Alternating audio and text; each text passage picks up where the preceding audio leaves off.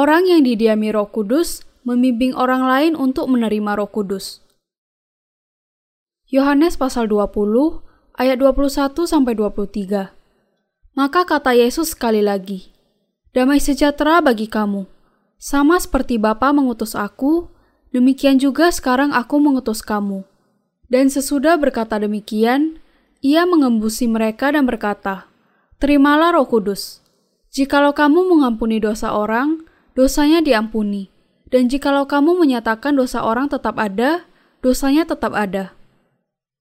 Kuasa apa yang diberikan Yesus kepada orang benar? Ia memberikan kuasa untuk mengampuni dosa seseorang melalui Injil air dan roh. Yohanes pasal 20 menulis tentang kebangkitan Yesus. Tuhan kita bangkit dari kematian dan berkata kepada murid-muridnya, Terimalah roh kudus. Murid-murid Yesus menerima berdiamnya roh kudus dan kehidupan kekal sebagai anugerah dari Yesus.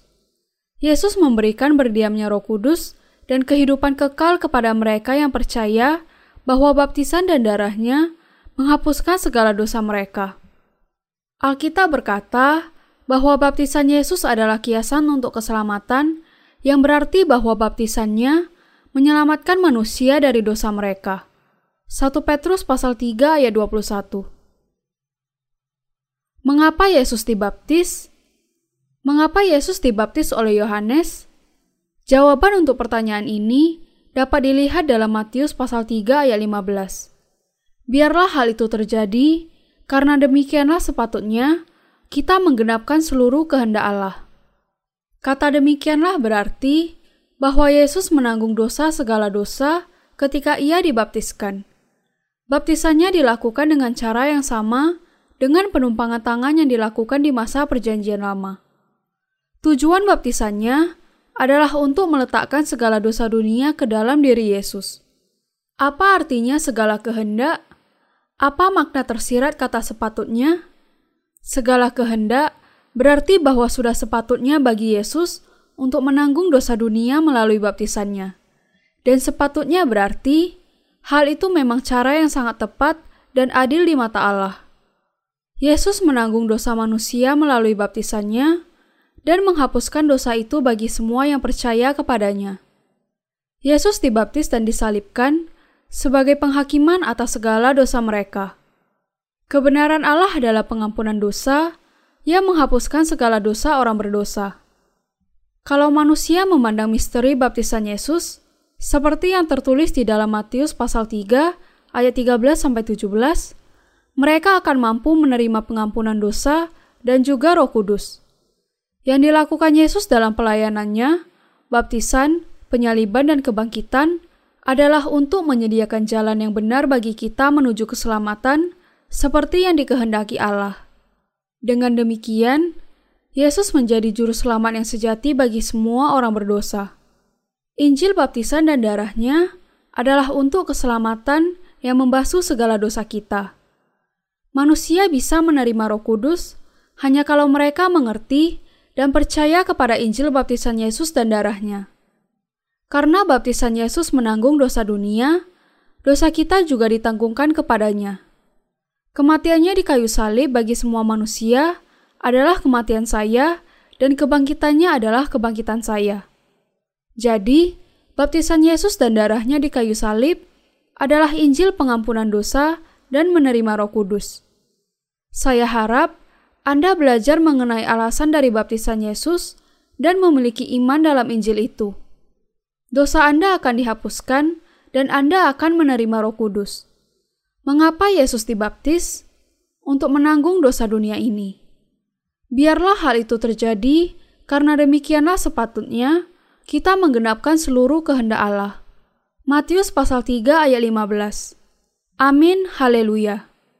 Hari ini banyak orang percaya bahwa berkata-kata dalam bahasa roh adalah bukti dari menerima Roh Kudus. Tetapi, bukti yang sesungguhnya dari hal itu adalah iman kepada Injil yang indah yang dituliskan di dalam loh hati mereka yang sungguh-sungguh menerima Roh Kudus. Tuhan memberi kuasa kepada orang benar untuk mengampuni dosa. Tuhan memberi kuasa kepada murid-muridnya untuk mengampuni dosa dengan berkata, Jikalau kamu mengampuni dosa orang, dosanya diampuni. Dan jikalau kamu menyatakan dosa orang tetap ada, dosanya tetap ada. Yohanes pasal 20 ayat 23.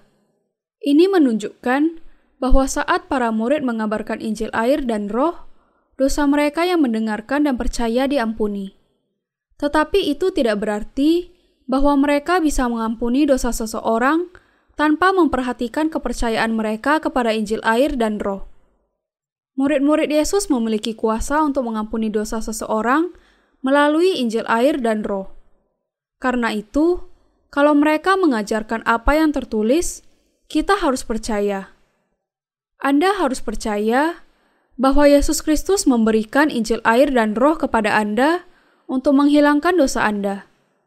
Hanya dengan demikian, Anda bisa menerima pengampunan dosa dan menerima berdiamnya Roh Kudus.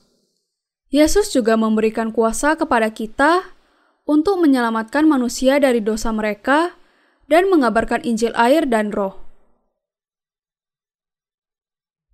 Kuasa para pemimpin dunia.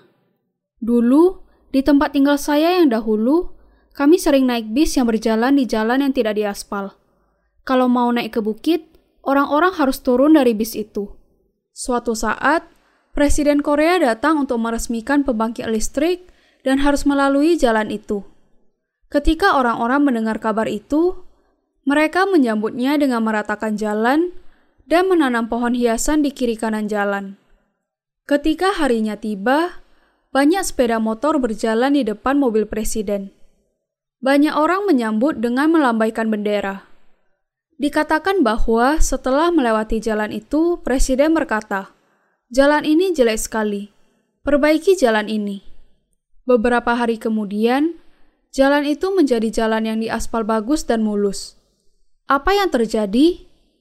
Sekali saja presiden lewat di situ, membawa perubahan yang sangat besar kepada kondisi jalan itu. Perintah dari seorang presiden memiliki kuasa yang sangat besar. Apalagi kita tahu bahwa Injil air dan Roh memiliki kuasa yang jauh lebih besar. Kita harus percaya bahwa Injil ini memiliki kuasa membebaskan kita dari dosa sepanjang kehidupan kita. Kuasa sejati untuk mengampuni dosa. Jikalau kamu mengampuni dosa orang, dosanya diampuni. Dan jikalau kamu menyatakan dosa orang tetap ada, dosanya tetap ada. Murid-murid Yesus mengabarkan Injil bahwa segala dosa mereka telah diampuni. Mereka berkata kepada orang-orang, Yesus menghapuskan dosa dunia ini melalui baptisan dan darahnya. Tidak ada lagi yang perlu dikhawatirkan. Meskipun kamu memang tetap melakukan dosa, Yesus sudah menanggung dosa harian murid-murid Yesus di kayu salib setelah ia dibaptiskan oleh Yohanes. Yesus menyelamatkan kamu. Anda harus percaya. Orang-orang berdosa menerima penembusan dengan mendengar dan percaya kepada Injil air dan roh melalui murid-murid Yesus. Yesus memberikan kepada murid-muridnya kuasa untuk mengampuni dosa melalui Injil air dan roh. Karena murid-murid Yesus mengabarkan Injil air dan roh kepada semua orang di dunia, orang percaya bisa menerima pengampunan dosa. Yesus memberikan anugerah ini bersamaan dengan kuasa mengampuni dosa. Banyak orang sudah membaca buku tulisan saya yang terdahulu, dan mereka diselamatkan dari segala dosa mereka. Beberapa di antara mereka mengaku bahwa alasan Yesus mati di kayu salib adalah karena baptisannya untuk menanggung dosa dunia dengan mengutip. Tetapi dia tertikam oleh karena pemberontakan kita, dia diremukkan oleh karena kejahatan kita.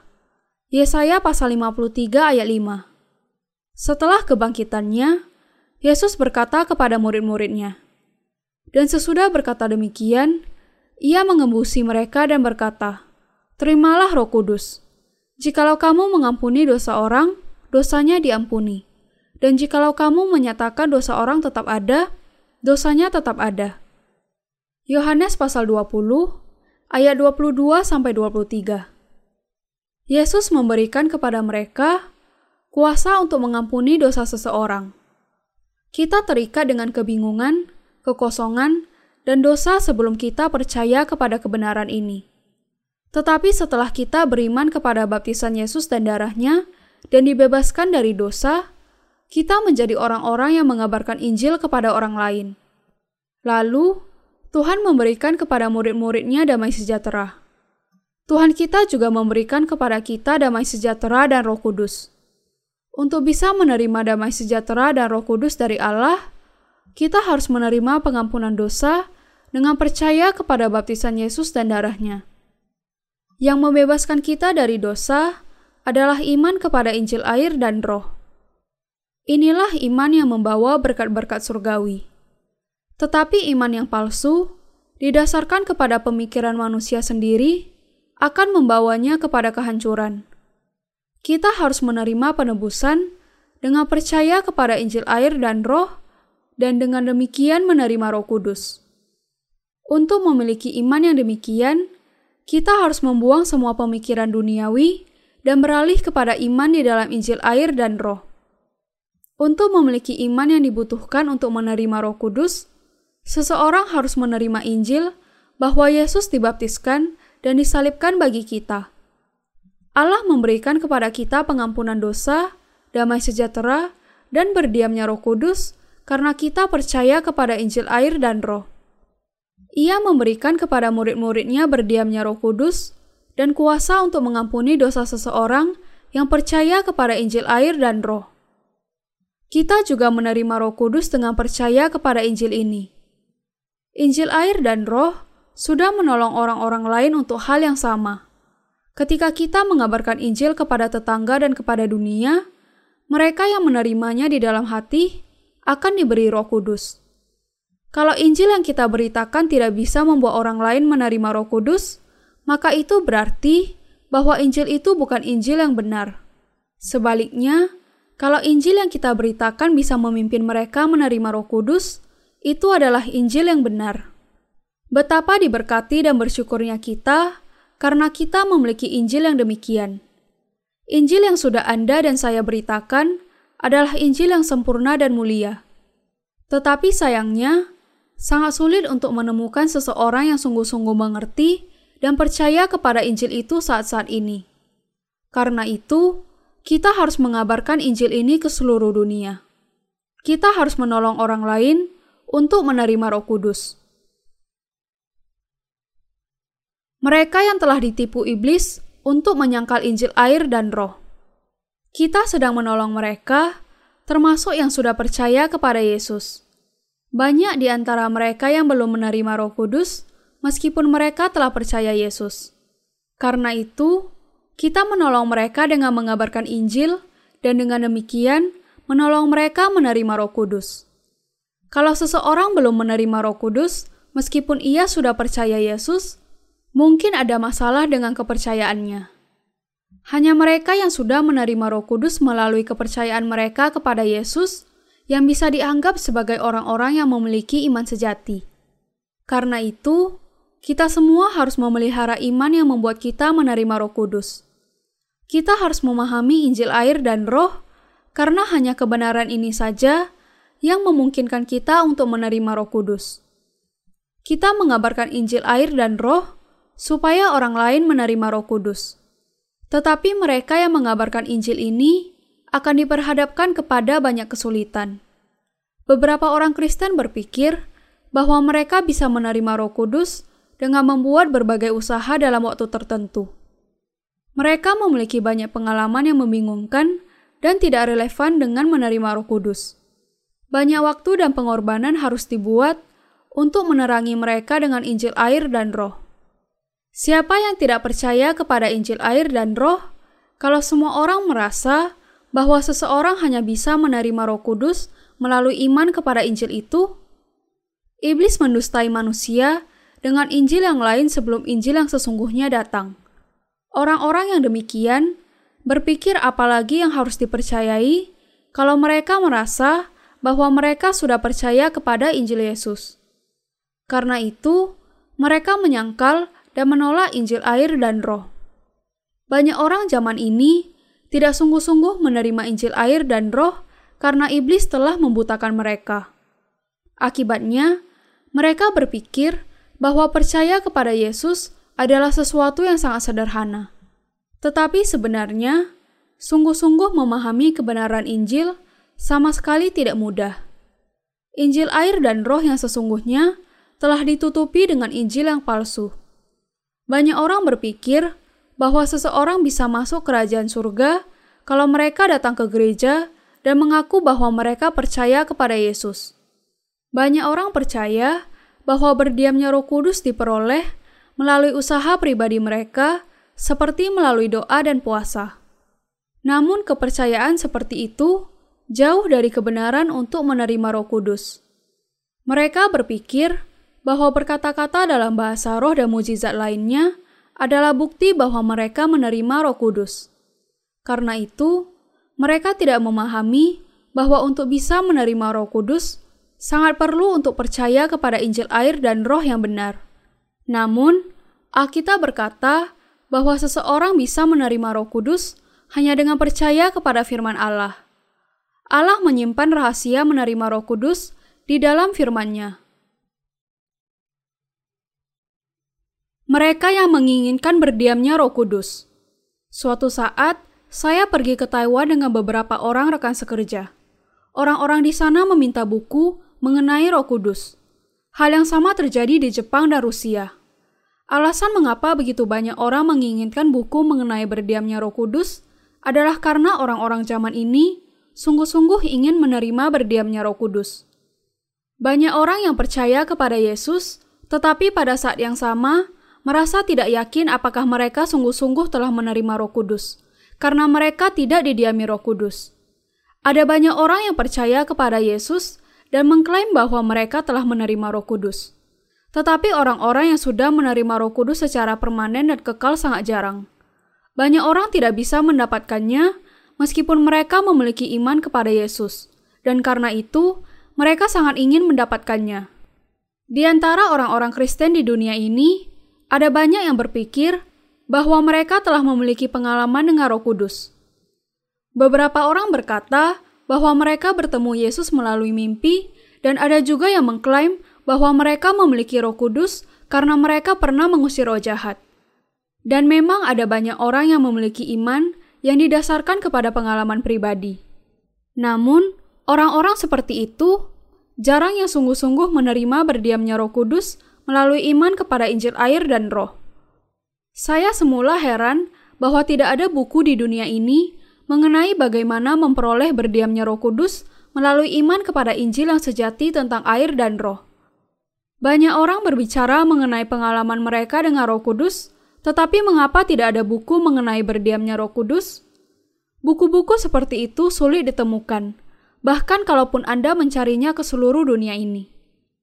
Mereka yang secara salah berpendapat bahwa mereka telah menerima Roh Kudus, mengklaim bahwa mereka bahkan telah bertemu Yesus secara pribadi dan telah mengunjungi kerajaan surga dan neraka. Mereka yakin sekali bahwa Yesus berkata kepada mereka, "Engkau datang sebelum waktunya. Masih ada banyak hal yang harus engkau selesaikan di dunia. Karena itu, cepatlah kembali ke tempat asalmu." Pengalaman seperti itu bukannya tidak mungkin tetapi, apakah Yesus yang mereka temui benar-benar Yesus yang sebenarnya? Maukah Yesus menemui mereka pada saat mereka memiliki banyak dosa? Apakah Yesus mau bergaul dengan seorang berdosa? Sangat benar bahwa kebanyakan orang Kristen masa kini tidak didiami Roh Kudus meskipun mereka dalam taraf tertentu memiliki kepercayaan kepada Yesus. Karena itu, kita orang-orang yang memiliki Roh Kudus di dalam kita harus menyebarkan Injil yang akan membuat orang lain menerima Roh Kudus, dan untuk bisa melakukannya, iman kepada Injil air dan Roh sangat dibutuhkan. Karena hanya dengan percaya kepada Injil itu, seseorang bisa menerima Roh Kudus. Melalui Injil kebenaran yang kita semua ketahui, kita bisa menerima anugerah Roh Kudus dari Allah. Kita harus bersyukur dan memuji Allah karena memberikan kepada kita Injil air dan Roh. Saya sudah mengalami sukacita Roh Kudus ketika saya menyiapkan diri untuk menulis buku ini. Ketika buku ini diterbitkan, banyak orang akan menerima berdiamnya Roh Kudus melalui iman mereka kepada Injil air dan Roh. Sudahkah kamu menerima Roh Kudus ketika kamu menjadi percaya? Kisah para Rasul pasal 19 ayat 2. kata Paulus kepada calon-calon murid di Efesus. Kita semua harus menerima Roh Kudus. Orang-orang Kristen di seluruh dunia secara khusus sangat tertarik untuk menerima Roh Kudus di masa-masa sejarah yang sulit ini. Saya memberitakan cara yang alkitabiah untuk menerima Roh Kudus seperti yang diajarkan Roh Kudus kepada saya. Untuk memiliki kehidupan yang memuaskan, Anda harus percaya kepada kebenaran tentang berdiamnya Roh Kudus. Inilah saat yang indah bagi Anda untuk menerima Roh Kudus di dalam hati Anda. Saya merasa sangat terbeban untuk menyebarkan Injil yang akan menolong semua orang untuk menerima Roh Kudus karena Yesus Kristus memberikan kepada saya Injil air dan Roh dan memperlengkapi saya dengan karunia Roh Kudus. Orang-orang non-Yahudi juga harus beriman kepada Injil air dan Roh.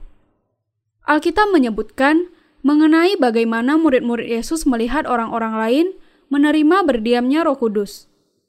Bahkan orang-orang non-Yahudi juga harus memiliki iman yang sama dengan iman murid-murid Yesus untuk bisa menerima Roh Kudus. Orang-orang non-Yahudi juga harus memiliki iman kepada Injil air dan Roh yang dimiliki oleh murid-murid Yesus untuk bisa masuk ke dalam dunia Allah. Karena itu, kita yang juga non-Yahudi juga harus percaya kepada Injil yang benar itu untuk bisa menerima Roh Kudus. Allah mengutus Petrus kepada Cornelius yang non-Yahudi agar ia diterangi oleh Injil air dan Roh yang adalah suatu keperluan yang sangat penting untuk bisa menerima Roh Kudus. Orang-orang Yahudi yang percaya sangat heran mendengar bahwa anugerah Roh Kudus juga dicurahkan kepada orang-orang non-Yahudi. Ketika Petrus kembali ke gereja di Yerusalem, setelah mengabarkan Injil air dan roh, mereka yang disunat mengkritiknya. Engkau telah masuk ke rumah orang-orang yang tidak bersunat dan makan bersama-sama dengan mereka. Kisah para Rasul pasal 11 ayat 3. Tetapi Petrus menjelaskan semuanya dari awal. Penjelasannya secara lengkap tertulis di dalam Kisah para Rasul pasal 11 ayat 5 sampai 17. Aku sedang berdoa di kota Yope. Tiba-tiba rohku diliputi kuasa ilahi dan aku melihat suatu penglihatan. Suatu benda berbentuk kain lebar yang bergantung pada keempat sudutnya diturunkan dari langit sampai di depanku. Aku menatapnya, dan di dalamnya aku lihat segala jenis binatang berkaki empat, dan binatang liar dan binatang menjalar, dan burung-burung. Lalu aku mendengar suara berkata kepadaku, Bangunlah hai Petrus, sembelihlah dan makanlah. Tetapi aku berkata, Tidak, Tuhan, tidak, sebab belum pernah sesuatu yang haram dan yang tidak tahir masuk ke dalam mulutku. Akan tetapi, untuk kedua kalinya suara dari surga berkata kepadaku, Apa yang dinyatakan halal oleh Allah, tidak boleh engkau nyatakan haram. Hal itu terjadi sampai tiga kali, lalu semuanya ditarik kembali ke langit. Dan seketika itu juga, tiga orang berdiri di depan rumah di mana kami menumpang. Mereka diutus kepadaku ke Kaisarea. Lalu kata roh kepadaku, Pergi bersama mereka dengan tidak bimbang. Dan keenam saudara ini menyertai aku. Kami masuk ke dalam rumah orang itu, dan ia menceritakan kepada kami bagaimana ia melihat seorang malaikat berdiri di dalam rumahnya dan berkata kepadanya, Suruhlah orang ke Yope untuk menjemput Simon yang disebut Petrus. Ia akan menyampaikan suatu berita kepada kamu yang akan mendatangkan keselamatan bagimu dan bagi seluruh isi rumahmu. Dan ketika aku mulai berbicara, turunlah roh kudus ke atas mereka, sama seperti dahulu ke atas kita. Maka teringatlah aku akan perkataan Tuhan. Yohanes membaptis dengan air, tetapi kamu akan dibaptis dengan roh kudus. Jadi, jika Allah memberikan karunia-Nya kepada mereka, sama seperti kepada kita, pada waktu kita mulai percaya kepada Yesus Kristus, bagaimanakah mungkin aku mencegah dia? Petrus berkata bahwa ia tidak hanya pergi ke rumah orang tidak bersunat dan makan bersama mereka, tetapi ia juga mengabarkan Injil kepada mereka karena bimbingan Roh Kudus. Ketika mereka mendengar penjelasan itu, mereka terdiam dan memuliakan Allah yang memberikan pertobatan dan hidup kepada mereka semua. Cornelius, keluarganya, dan sahabat-sahabatnya. Ajaran para rasul tentang menerima Roh Kudus. Apakah misi para rasul yang sangat penting? Mengabarkan Injil air dan roh agar orang lain menerima roh kudus. Benarkah para rasul mengajarkan Injil air dan roh? Kita harus membuktikan apakah para rasul percaya kepada Injil air dan roh atau tidak. Di dalam Alkitab, Petrus berkata, Kamu sekarang diselamatkan oleh kiasannya yaitu baptisan. 1 Petrus pasal 3 ayat 21 Rasul Petrus sungguh-sungguh percaya bahwa Yesus menyelamatkan orang berdosa dari dosa mereka ketika ia dibaptiskan dan mati di kayu salib. Ia juga percaya bahwa pada saat Yesus dibaptiskan, Matius pasal 3 ayat 15, segala dosa ditanggungkan kepadanya dan ia disalibkan dan kemudian bangkit untuk menyelamatkan kita semua. Di saat-saat ini, ada orang yang memiliki iman yang sama dengan iman Petrus. Mereka yang mengabarkan Injil air dan roh adalah orang-orang yang mengabarkan Injil yang sama dengan yang dikabarkan Petrus. Kebenaran ini penting agar para penerima Injil menerima berdiamnya Roh Kudus. Sama seperti banyak orang yang menerima Roh Kudus, ketika Petrus mengabarkan Injil air dan Roh, kita juga melihat orang-orang yang percaya kepada Injil dan menerima Roh Kudus kalau kita memberitakan kebenaran yang sama.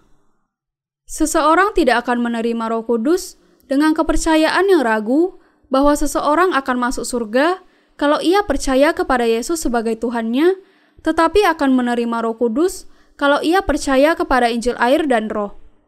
Semula, Petrus sangat menganggap rendah orang-orang non-Yahudi. Sesuai dengan hukum Taurat, mereka sama seperti binatang haram yang tidak tahir sebelum Yesus dibaptis, mati di kayu salib, dan bangkit kembali. Tetapi orang-orang non-Yahudi bisa juga diberkati dengan berdiamnya Roh Kudus melalui percaya kepada Injil air dan Roh. Karena itu, suatu suara berkata kepada Yesus, "Apa yang dinyatakan halal oleh Allah tidak boleh engkau nyatakan haram."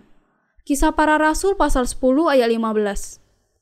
Kita sebagai orang-orang non-Yahudi tidak akan mendapatkan kesempatan menerima Roh Kudus, tetapi kita bisa didiami Roh Kudus dengan beriman kepada Injil air dan roh. Ketika kita mengabarkan Injil dengan sabar kepada orang-orang yang dipenuhi dengan pikiran mereka sendiri, kita sering melihat mereka percaya kepada Injil dan akhirnya menerima Roh Kudus. Kita mungkin juga melihat mereka mengaku bahwa mereka tidak lagi memiliki dosa di dalam hati karena percaya kepada baptisan Yesus dan darahnya. Hanya setelah itu saja, Roh Kudus bisa berdiam di dalam mereka. Tujuan kita mengabarkan Injil bukan hanya agar orang-orang memahaminya, tetapi membimbing mereka untuk menerima Roh Kudus. Kenyataan bahwa mereka yang percaya kepada Injil yang kita beritakan diampuni dosanya adalah sangat penting. Dan kenyataan bahwa pada saat yang sama, mereka menerima berdiamnya Roh Kudus adalah sesuatu yang lebih penting lagi. Kita tidak sekedar memberitakan Injil kepada manusia di dunia, tetapi lebih dari itu, yaitu kita membimbing mereka untuk pada saat yang sama menerima Roh Kudus. Kita harus mengabarkan Injil air dan Roh dalam konteks ini kepada mereka yang membutuhkannya.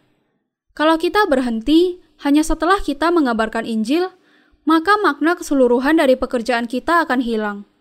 Kita harus menyadari bahwa Injil ini akan membuat orang didiami Roh Kudus. Ketika kita mengabarkan Injil sambil mengingat hal ini, api Roh Kudus akan menyebar seperti nyala api ke seluruh penjuru dunia.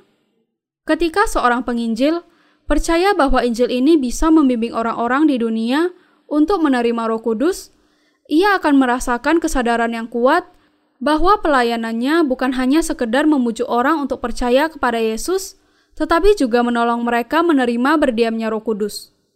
Karena itu, sangat penting bagi kita untuk mengabarkan Injil air dan Roh di masa-masa sekarang ini. Orang hanya perlu mendengar dengan telinganya dan percaya di dalam hatinya kepada Injil yang kita beritakan untuk bisa menerima Roh Kudus. Jelasnya, Injil yang kita beritakan memiliki pengaruh yang sangat besar di dalam kehidupan seseorang. Kuasa Injil adalah otoritas dan berkat yang diberikan oleh Allah. Petrus adalah seorang penginjil untuk orang-orang Yahudi, sedangkan Paulus untuk orang-orang non-Yahudi. Ketika Petrus sedang berdoa di atap rumah, ia melihat langit terbuka dan suatu benda seperti kain yang sangat lebar yang terikat di keempat ujungnya turun kepadanya.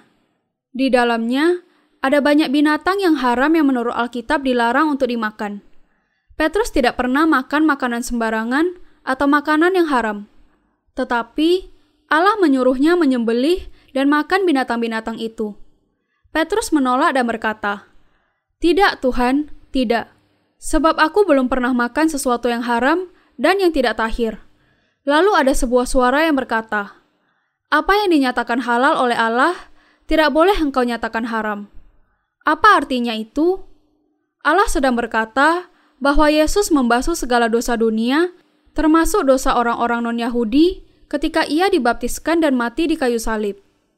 Makna rohani dan perintah Allah kepadanya untuk menyembelih dan makan binatang haram adalah bahwa orang-orang non-Yahudi sekalipun bisa menjadi anak-anak Allah dengan percaya kepada Yesus yang telah diutus ke dunia ini, dibaptiskan untuk menanggung dosa, dan disalibkan untuk dihakimi atas dosa-dosa itu. Petrus masih mengikuti aturan hukum Taurat dan bukannya memandang mereka melalui mata iman, bahkan setelah ia menerima Roh Kudus. Tetapi Petrus bertobat dan percaya bahwa Allah sudah membasuh dosa-dosa orang non-Yahudi juga. Petrus menyadari kekayaan Injil yang indah itu dengan lebih dalam. Ia melihat Roh Kudus turun ke atas pendengarnya pada saat ia memberitakan firman Allah. Bagaimana kita membedakan apakah seorang penginjil masa kini sudah menerima Roh Kudus atau belum? Itu tergantung kepada apakah mereka menerima Injil air dan Roh atau tidak. Seseorang yang percaya kepada Injil yang indah, ketika seorang penginjil menyampaikan firman Allah, sudah menerima Roh Kudus. Roh Kudus yang berdiam di dalam hati penginjil itu juga datang untuk berdiam di dalam pendengarnya. Penginjil dan pendengarnya kemudian akan merasakan bahwa mereka memiliki persekutuan yang sangat erat, seolah-olah mereka adalah sahabat sejak kecil. Mereka akan melihat kasih Allah berdiam di dalam diri mereka masing-masing. Penginjil itu akan melihat pendengarnya menjadi umat Allah dengan menerima Injil air dan Roh. Ketika kita mengabarkan Injil, kita bisa melihat bahwa Roh Kudus turun ke atas orang-orang percaya pada saat mereka percaya kepada Injil air dan Roh. Hal itu merupakan suatu kesatuan yang tidak terpisahkan dengan keselamatan. Inilah alasan utama mengapa kita harus memberitakan Injil air dan Roh. Injil yang kita beritakan adalah Injil yang akan memimpin orang lain untuk menerima Roh Kudus. Mereka yang didiami Roh Kudus adalah anak-anak Allah. Injil air dan Roh bukanlah teori doktrin dari suatu denominasi, dan karena itu, ketika kita memberitakannya kepada orang lain, mereka datang kepada iman, menerima Roh Kudus, dan menjadi anak Allah. Betapa hebatnya berkat ini, betapa ajaibnya Injil ini, dan betapa mulianya pekerjaan ini. Mereka yang mengabarkan Injil air dan Roh ikut serta dalam membangun kerajaan Allah. Kita sekedar mengabarkan Injil, dan mereka menerima Roh Kudus. Beberapa orang berpikir bahwa percaya kepada Yesus berbeda dengan menerima Roh Kudus sehingga orang Kristen masih tetap berdoa meminta Roh Kudus. Tetapi Alkitab berkata bahwa Roh Kudus datang kepada seseorang ketika ia mendengar dan percaya kepada Injil yang diberitakan oleh hamba-hambanya. Orang-orang dari seluruh dunia merindukan Roh Kudus. Injil yang kita beritakan membawa kepuasan kepada kerinduan mereka. Itulah sebabnya mengapa kita memiliki tanggung jawab untuk mengabarkan Injil ke seluruh dunia. Kita adalah anak-anak Bapa dan pewarisnya yang setia kepada amanat agungnya. Kita harus mengabarkan Injil dengan iman sambil terus mengingat bahwa misi kita adalah untuk membuat orang bisa menerima roh kudus. Injil air dan roh adalah sesuatu yang harus sungguh-sungguh dipercaya dan diajarkan oleh para penginjil kepada orang lain. Kemudian, para pendengar mereka akan menerima Roh Kudus melalui iman mereka kepada Injil.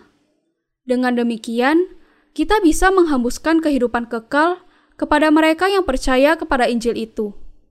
Tujuan kita adalah untuk membebaskan mereka dari kuasa kegelapan dan memasukkan mereka ke dalam kerajaan Allah. Para penginjil memindahkan orang-orang berdosa yang ditentukan untuk mati di bawah kuasa kegelapan ke dalam kerajaan anak Allah. Pekerjaan memindahkan anak kegelapan menjadi anak Allah adalah pekerjaan yang sangat penting. Banyak orang tidak tahu kunci untuk menerima Roh Kudus dan berusaha menerima Roh Kudus dengan usaha mereka sendiri. Tetapi hal itu akan sia-sia. Hanya iman kepada Injil yang dibutuhkan, karena iman itu yang memerdekakan seseorang dari segala dosa-dosa mereka. Bagaimana Anda menerima Roh Kudus? Melalui doa atau melalui penumpangan tangan? Tidak, bukan itu caranya. Kita menerima Roh Kudus hanya kalau kita percaya kepada Injil air dan Roh. Kita harus berdoa dan mengabarkan Injil supaya semua manusia di dunia bisa menerima Roh Kudus. Kata rasul berarti dia yang diutus Allah. Apa yang dilakukan seorang rasul?